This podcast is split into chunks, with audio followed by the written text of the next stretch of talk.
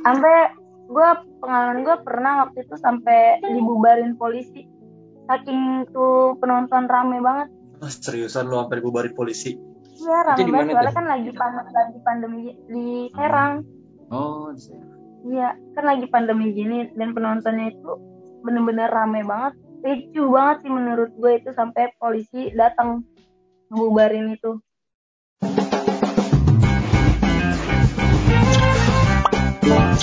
Go check it out. Hai, Gocekers. Gocekers. Minggu ini kalian akan ditemenin sama gue Michael. Dan gue Fahri di Gocek Podcast. Nah, kalau minggu lalu Gocekers ditemenin sama host-host cewek, gantian ya, minggu ini ditemenin sama kita, cowok-cowok. Iya nih, jadi jangan kaget ya Gocekers kalau suaranya beda. Karena setiap minggunya Gocek Podcast bakal nemenin kalian dengan suara-suara host yang beragam. Biar kalian nggak bosen. Nah, seperti biasa ya, bincang-bincang kali ini kita mulai dengan pantun. Boleh-boleh, nanti yang ngomong cakep gue Mike. Oke, mulai ya. TV rusak jangan dipukul. Cakep. Nanti jadi mati. Artinya Karena semua sudah berkumpul, kita mulai podcast ini. cakep-cakep. Nah, hari ini kita mau ngomongin apa sih nih Mike? Hari ini kita bakal ngobrol sama atlet futsal perempuan nih. Mantep banget. By the way, lu tahu gak bedanya antara olahraga futsal sama olahraga sepak bola? Tahu dong, futsal itu terdiri dari lima orang termasuk penjaga gawang. Kalau sepak bola terdiri dari 11 orang termasuk penjaga gawang.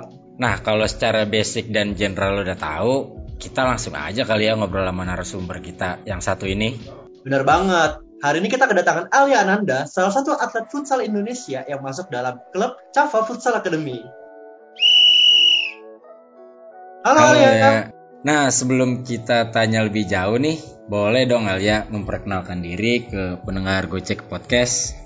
Eh, sebelumnya perkenalkan nama gue Aliana Denta dari eh, Futsal Putri di Kota Tangerang. Umur gue sekarang 19 tahun. Gue sekarang lagi lagi aktif di klub Futsal Safa Academy. Terus sekarang juga lagi bela Futsal Kabupaten Bogor untuk Pekan Olahraga Daerah Jawa Barat. Oke, Alia, boleh dong kasih tau ke pendengar podcast, lu udah main futsal dari umur berapa dan kenapa lu tertarik dengan olahraga ini? Ya sebenarnya gue mulai futsal itu dari kecil sih dari gue main sama anak laki-laki kan lu juga kan temen gue tuh waktu itu kan sering main bareng juga tuh. Sama anak laki-laki di lapangan. Biasa lah lapangan merah gitu. Terus sampai akhirnya gue masuk SMA gue ditarik buat ikut klub untuk bela klub salah satu klub di kota Tangerang. Terus eh, buat ikut turnamen-turnamen futsal biasa. Terus udah lanjut sampai sekarang gue berkembang sampai sekarang sampai bisa bela eh, kota orang di Kabupaten Bogor sih. Nah, tadi kan lu bilang tuh waktu SMA lu ditarik Pa- pada waktu itu gimana sih ceritanya? Lu, lu ikut klub di sekolah lu atau gimana tuh? Bisa nggak dong diceritain ke pendengar awal mulanya? gue kan SMA di Jakarta terus gak ada futsal gak ada futsal putrinya jadi gue iseng-iseng aja ikut klub orang awalnya terus mungkin ada salah satu pelatih tertarik sama gaya main gue jadi ya udah gue diajak ya udah berkembang gitu aja sih sampai sekarang Oke, berarti lu punya gaya ciri khas tersendiri lu ya kalau lagi main futsal. iya mungkin sih sampai orang tertarik Berarti itu pas ditarik pas lagi tingkat SMA tuh. iya tapi bukan bukan antar SMA sih antar klub Oh. Kalau di sebelum masuk SMA udah udah mulai itu tanding antar liga gitu-gitu? iya udah cuman kayak belum Belum intens. belum apa ya ya belum intens aja. Intensnya itu pas SMA sampai lulus. Gue lulus kan sekarang lulus SMA sekarang di kuliah di Univer- Universitas Negeri Jakarta nih. Terus di situ ada putra putrinya. Jadi gue makin berkembang lagi. Terus putra putri di UNJ itu kan emang bagus banget sih kelihatannya. Kan waktu SMA dulu lu pernah masuk ke klub ini kan, antar klub apa antar klub kan? oh iya. Klub futsal. Berarti ini uh, lu udah masuk dunia perkuliahan, kan ada klub futsal tersendiri di UNJ. Ya. Ini berarti jadi klub lu yang keberapa? yang kedua sih Yang kedua. setelah Buset. ya setelah dari awal gue mulai di yang pertama itu klub gue namanya Jaya Kencana cuman sekarang udah bubar karena manajemennya itu udah udah kurang sih nyampe dibubarin gitu karena lapangannya juga udah dibongkar jadi gue lulus ke WNJ nah di WNJ itu gue lebih ngembangin lagi karena di WNJ itu kan didukung banget tuh futsalnya apalagi WNJ itu kan olahraga banget Nah, kalau lu aktif dari SMA berarti lu masuk UNJ dari beasiswa sendiri apa gimana tuh? Iya, gue masuk UNJ itu beasiswa dari futsal. Oh. Ja- jalur prestasi sih lebih tepatnya. Berarti bisa dibilang eh, lu itu orangnya pinter banget ya dalam olahraga futsal ini. Sampai pada akhirnya lu mendapatkan prestasi di UNJ. Bisa dibilang kayak gitu. Orang-orang pilihan Mike. Betul-betul. Lu bisa gak Mike? Kira-kira Mike? Aduh, kalau ngomongin gue bisa apa enggak nih ya, jujur gue kagak terlalu ngerti soal futsal. Bahkan dulu gue main futsal atau main sepak bola aja, gue pernah hampir matahin kaki orang. Berarti di UNJ sendiri sering nih ikut kompetisi. Kalau antar kampus sendiri gimana tuh? Suka ikut? Eh, antar kampus sih sering sih dulu sebelum pandemi karena banyak kan event antar kampus dari kampus mana aja tuh terus lebih tepatnya gue lebih apa ya lebih apa sih turnamen tertinggi gue di kampus itu liga mahasiswa dan itu UNJ itu pada tahun 2019 eh, keluar jadi juara pertama nasional Liga itu nasional dari seluruh Indonesia kampus-kampus seluruh Indonesia Berarti lu pernah ini dong apa? Bisa dibilang lu juara satu nasional dong. Karena lu sudah mengalahkan semua kampus-kampus yang mendaftar pada waktu itu. iya benar-benar Gila. soalnya kan Kalau bola- sebelum sebelum ke nasional itu kan ada re, ya apa regionalnya dulu. Regionalnya itu kan re, kampus gue kan di Jakarta. Jadi regional antar Jakarta dulu gue juara satu di regional Jakarta gue naik lagi ke nasional. Nasionalnya itu di Malang terus gue ngalahin ya beberapa kampus sih yang dia ada, ada yang di Indonesia. Terutama universitas eh Universitas Pendidikan Indonesia tuh UPI ju- ngalahin juara bertahan. UPI juara bertahan berapa tahun tuh emang sebelumnya? lima tahun. Lima tahun berturut-turut. iya benar karena WNJ itu selama lima liga mahasiswa itu selalu kalah mulu lawan UPI W- apa UPI juara satu WNJ juara dua gitu. Jadi setelah tahun setelah angkatan gua masuk tuh 2019 eh, naik jadi juara satu Berarti angkatan lu harum ya udah mecahin telur lawan UPI ya. Nih kan tadi tadi lu bilang uh, lu juara satu di regional Jakarta, habis itu region apa? Juara satu di liga. Di Jakarta sendiri itu lu ngalahin berapa klub untuk bisa menjadi langsung ke Malang tadi? Eh, berapa sekitar lima universitas ada UKI, UBL, terus Trisakti, Atma Jaya, sama satu lagi apa ya? Kayaknya daerah Jakarta juga sih. Antara Untar apa? Rewardnya apa tuh saat itu Alia? Ya itu sih dipampang apa banner dipampang di kampus sama eh, apa eh, pembagian penyerahan piala ke dekan kampus, deh gitu doang. Oke, uh, berarti kan waktu itu Alia dan tim Alia sendiri itu udah pernah menjadi juara nasional. Berarti lu banyak fansnya dong, dan cowok-cowok pasti suka nih sama lu, karena kan biasanya nih kan cowok-cowok pada suka nih main futsal. Banyak gak sih fans lu atau orang-orang yang bener-bener, yuk kita main bareng yuk, yuk kita futsal bareng yuk. Ada gak sih kayak gitu? kalau fans gue kagak tahu. Cuman kalau ya ada aja gitu. Setiap gue turnamen ke mana ada aja gitu minta foto. Tapi nggak gue nggak kalau fans gue nggak tahu kalau fans. Tapi ada aja gitu Tapi kalau jadi pemain cabutan sering tuh di kampus kalau lagi antar tongkrongan gitu. bukan di kampus di klub antar klub misalnya kan gue dicabut di klub mana gitu buat main di mana Oh, berarti lebih seringnya cabutannya kalau lagi main di luar tuh ya. Iya, tarkam disebutnya kalau di futsal tuh. Tarkam, tarkam apaan tuh? Lu boleh kasih tau dong ke pendengar tarkam itu artinya apaan tuh? Ya kalau pemain futsal, pemain bola pasti tahu tarkam itu apa. Tarkam itu turnamen antar kampung gitu ibaratnya. Singkatannya gitu. Oh, turnamen itu berarti turnamen antar kampung. Nah, pendengar bisa menjadi pembelajaran baru nih, tarkam, turnamen antar kampung. Mantap juga, Alia. Eh, berarti berarti starting point lu main tuh lu di kelas berapa tuh? Mulai awal main futsal SMP kali. Iya SMP. Cuman kalau lebih seriusnya lagi sih, gue pas SMA kelas 3 sih itu udah ke jenjang serius ya. Gue udah di klub bener-bener latihan yang rutin. Terus ikut turnamen sana sini ikut liga gitu. Eh, kalau bicara latihan dulu SSB gua nggak ada ceweknya. Kalau jadi gua nggak pernah lihat tuh cewek-cewek tuh kalau latihan tuh kayak gimana sih? Nah kalau dari pengalamanmu sendiri ada gak sih treatment khusus cewek tuh yang dibedain cara latihan sama cowok tuh kayak gimana sih?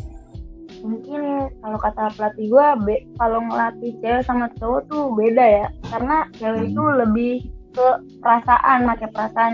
Jadi kalau ngelatih cewek tuh nggak bisa dibentak dikit baper ibaratnya gitu. Gampang baper. Kalau cewek gampang nggak moodnya. Kalau dari segi teknik, kalau segi teknik ya sama aja sih. Cuman kalau bedanya kalau lagi latihan fisik ya kalau lagi latihan fisik cuman paling menitnya aja dikurangin misalnya eh, cowok lah joggingnya 30 menit minimal berapa putar berapa putaran? Minimal 5 putaran gitu ibaratnya ya misalnya. Terus kalau cewek itu 30 menit eh, 8 putaran gitu. Ada perbedaan di menit sama jangka jangka itunya aja sih. Nah, Alia, mungkin pendengar sama kita sendiri yang ada di sini penasaran nih. Ini kan tim futsal yang kita tahu nih. Biasanya kan perempuan itu pada setiap bulannya datang bulan. Nah, gimana tuh kalau lu lagi datang bulan tersebut, di saat bersamaan lu harus latihan atau tanding? Cara lu mengatasi itu gimana sih, Alia?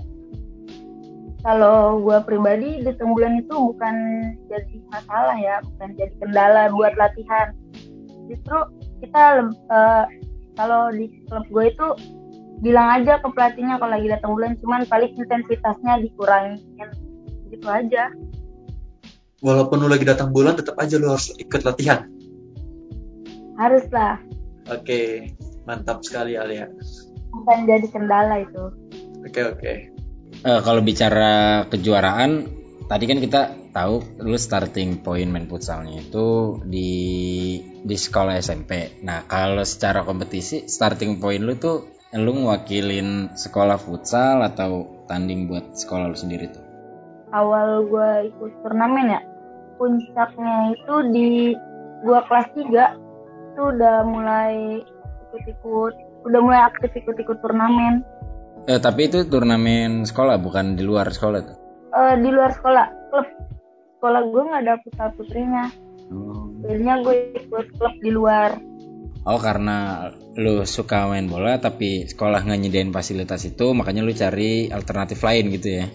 iya bener Nah, kalau bicara kompetisi ngerebutin piala, adrenalin orang kan akan memuncak tuh. Apalagi kayak lo udah sampai tingkat provinsi nih.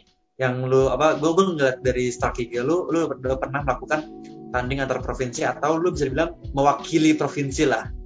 Lo dan tim lo pernah nggak sih ngerasain cedera yang cukup menyakitkan dan nggak bisa dilupakan?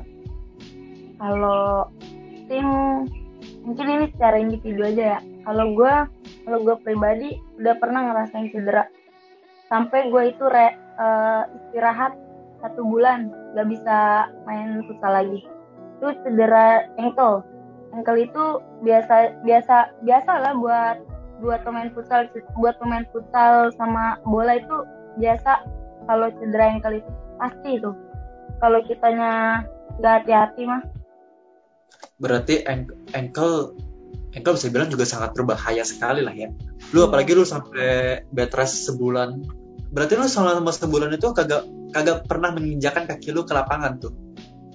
Eh, enggak gue ninjak gue gini Semen- selama gue cedera itu gue tetap latihan cuman latihan gue itu nggak megang bola tapi latihan gue itu latihan penguatan Kayak gimana tuh latihan penguatan tuh? latihan penguatan itu kayak latihan di kaki yang cederanya itu kayak berdiri kaki satu kita turun naik jongkok gitu Oh gitu. Berarti berarti nggak nggak nggak nyentuh bola tuh. Latihan tetap latihan gitu ya? Iya, cuman beda aja beda. Mereka latih yang gak cedera latihannya megang bola, yang gua latihannya penguatan. Cuman kalau pas gua udah sembuh dikit, gua sembuh sembuh lah menuju sembuh 80 per- lah 70 persen dah. 70 persen gua pengen sembuh. Gua udah mulai latihan pakai bola nendang-nendang ke tembok. Tapi kalau bicara latihan, kayaknya banyak yang bilang tuh kalau futsal itu latihan teknik sama latihan fisiknya lebih berat daripada sepak bola. Itu benar gak sih? Atau kebalikannya? enggak sih kata gua kebalikannya. Latihan sepak bola itu lebih berat menurut gua. Karena sepak bola itu kan di outdoor ya. Jadi mataharinya itu langsung ke kita kan kalau futsal itu di indoor. Jadi indoor, uh, kalau futsal itu tanpa nggak mengganggu kita nggak tergantung cuaca latihan kita. Karena latihannya di indoor. Kalau sepak bola itu kan di outdoor matahari misal lagi panas panas banget nyentrik banget. Kalau lagi hujan kita harus tetap latihan. Lebih berat sepak bola menurutku oh. Nah kalau bicara latihan kan sekarang kan lagi pandemi. Nah kalau di saat pandemi gini lu sama tim tuh punya treatment sendiri. Mau latihan gak sih? Kayak harus dites atau tahu karantina gitu? Selama ini sih nggak ada ya. Gue nggak ada karantina nggak ada tes tes gitu. Mungkin kalau lagi kita lagi merasa kita pribadi lagi ngerasa gak enak badan aja itu udah nggak usah mendingan nggak usah latihan daripada imun kita lagi nggak kuat kita maksain latihan malah kena gitu. Mendingan kita rest aja di rumah. Tapi kalau buat tes tes kayak gitu karantina sih enggak pandemi tetap aja latihan. Oke. Okay. uh, lo sebagai atlet futsal rencana ke depannya gimana nih? Ada target gitu gak sih yang lo mau capai ke depannya?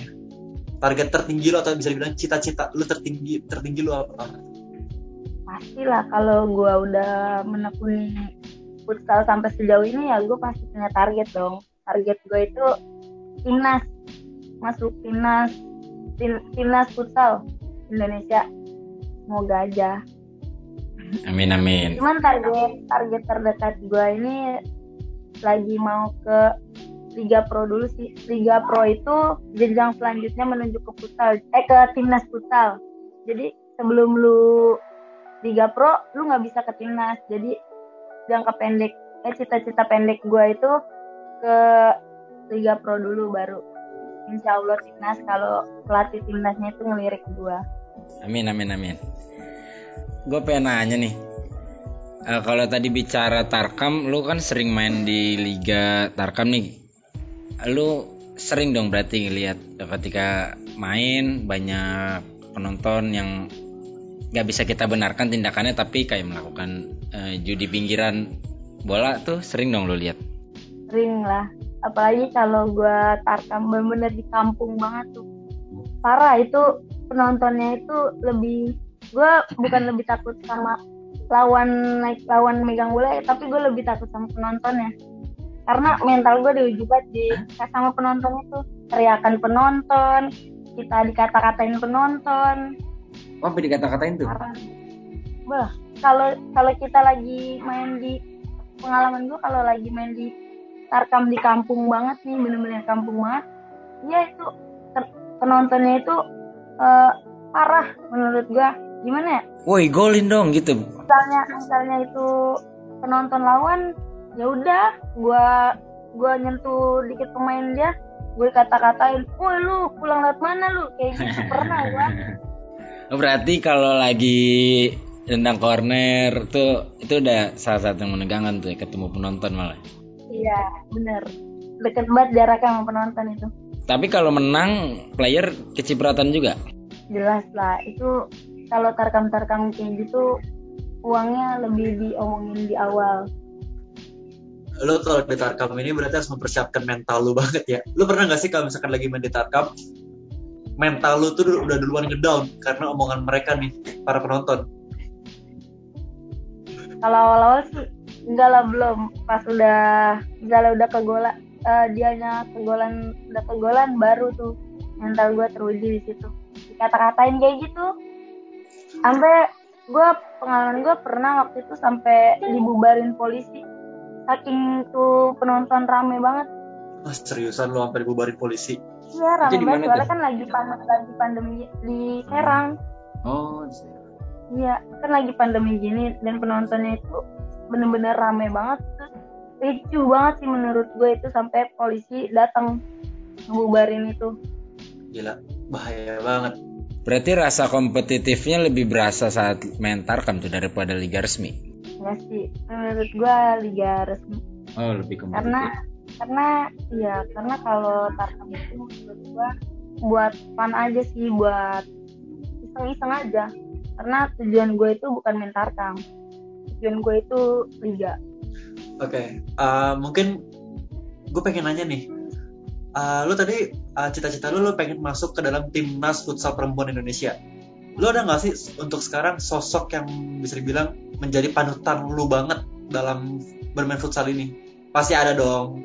Gak mungkin lu punya cita-cita sampai setinggi gitu uh, tanpa punya uh, patokan. Kira-kira kira-kira siapa itu orangnya? Idola gue sih itu ada yang idola gue pelatih gue sendiri. Kenapa tuh sama pelatih lu sendiri? Iya, kan dia udah pemain futsal udah udah timnas udah pencapaian segalanya sih menurut gua dia tuh Citra namanya tuh Citra Adisti pasti kalau pemain futsal pemain futsal pasti tahu dia siapa. Dia itu tim pemain futsal pemain timnas futsal Indonesia kiper tapi. Dan sekarang dia jadi pelatih gua di Sava Sava itu klubnya dia Citra Adisti Futsal Academy Oh berarti gila bang. Dari kiper menjadi coach ya bisa dibilang. Ini ngomong-ngomong iya, nih Fahri, lu kenal nggak sama Citra Adisti? Lu kan gua... uh, suka banget nih main, main sepak bola nih. Masa lu nggak kenal sih? Kenal nih, kenal, kenal. Tapi gue lebih condong ke Babang Pamungkas. Buset. Kalau Babang Pamungkas, gue sih Cristiano Ronaldo lah ya. Aliudin nih, Aliudin. Ya, kita masuk ke pertanyaan terakhir aja nih ya. Alia, lu sebegitu lamanya main futsal, udah sepak terjang kompetisi lu jauh, lu ngeliat futsal itu di mata lu gimana tuh? Arti futsal buat lu sendiri? Menurut gua sekarang ya, futsal itu segalanya. Futsal itu tempat gua tempat eh futsal itu hobi gua. Futsal itu tempat nyari duit gua. Segalanya sih menurut. Hob, uh, futsal itu arti hobi yang dibayar hobi yang menyenangkan terus dibayar jadi kalau kita menja kalau kita latihan seberat apa pun itu udah hobi. Kalau hobi itu kan pasti menyenangkan dong. Apalagi gue pemain yang dibayar. Senangnya berkali-kali lipat kalau gue lagi jalanin latihan. Udah hobi terus bisa cuan lagi kan? Iya. Yeah. seneng ya. Wah gila. Lu di umur lu 19 tahun ini lu punya hobi yang lu bisa bisa dibilang lu mendapatkan penghasilan dari situ. Gila gue sebagai anak muda pun ngiri sama lu. Mungkin dari pendengar kita juga ada nih yang tertarik sama futsal. Mungkin ada lah ya. Pasti ada. Oke okay, ya. Sebelum kita tutup, tutup obrolan kita hari ini gimana kalau kita tutup pakai pantun lagi nih Alia silakan. Boleh boleh tuh. Mulai nih ya. Pergi ke warung beli ciki. Cakep. Cakep. Belinya lebih dari satu. Cakep. Cukup di sini perbincangan kita kali ini. Sampai berjumpa di lain waktu. Widi. Boleh, boleh, boleh. Alia, makasih banyak buat obrolan hari ini. Kita jadi tahu banyak hal tentang futsal, khususnya futsal putri. Makasih ya Alia. Sama. Makasih ya Alia. Makasih juga ya, udah diundang. Wih, Mike, seru nih obrolan kita hari ini. Pastinya dong, namanya juga Gocek Podcast. Tapi sayangnya obrolan kita harus berakhir sampai sini dulu. Iya nih, sampai di sini dulu ya Gocekers perbincangan kita hari ini. Teman-teman tetap jaga kebersihan, jaga jarak, jangan lupa pakai masker, dan yang paling penting jaga kesehatan dengan berolahraga. Seperti Alia yang gemar bermain futsal. Gue Michael. Dan gue Fahri, pamit undur suara. See you. Hai Gocekers, jangan lupa untuk kunjungi Instagram kami at gocek.in untuk mendapatkan informasi seputar atlet dan olahraga. Go check it out!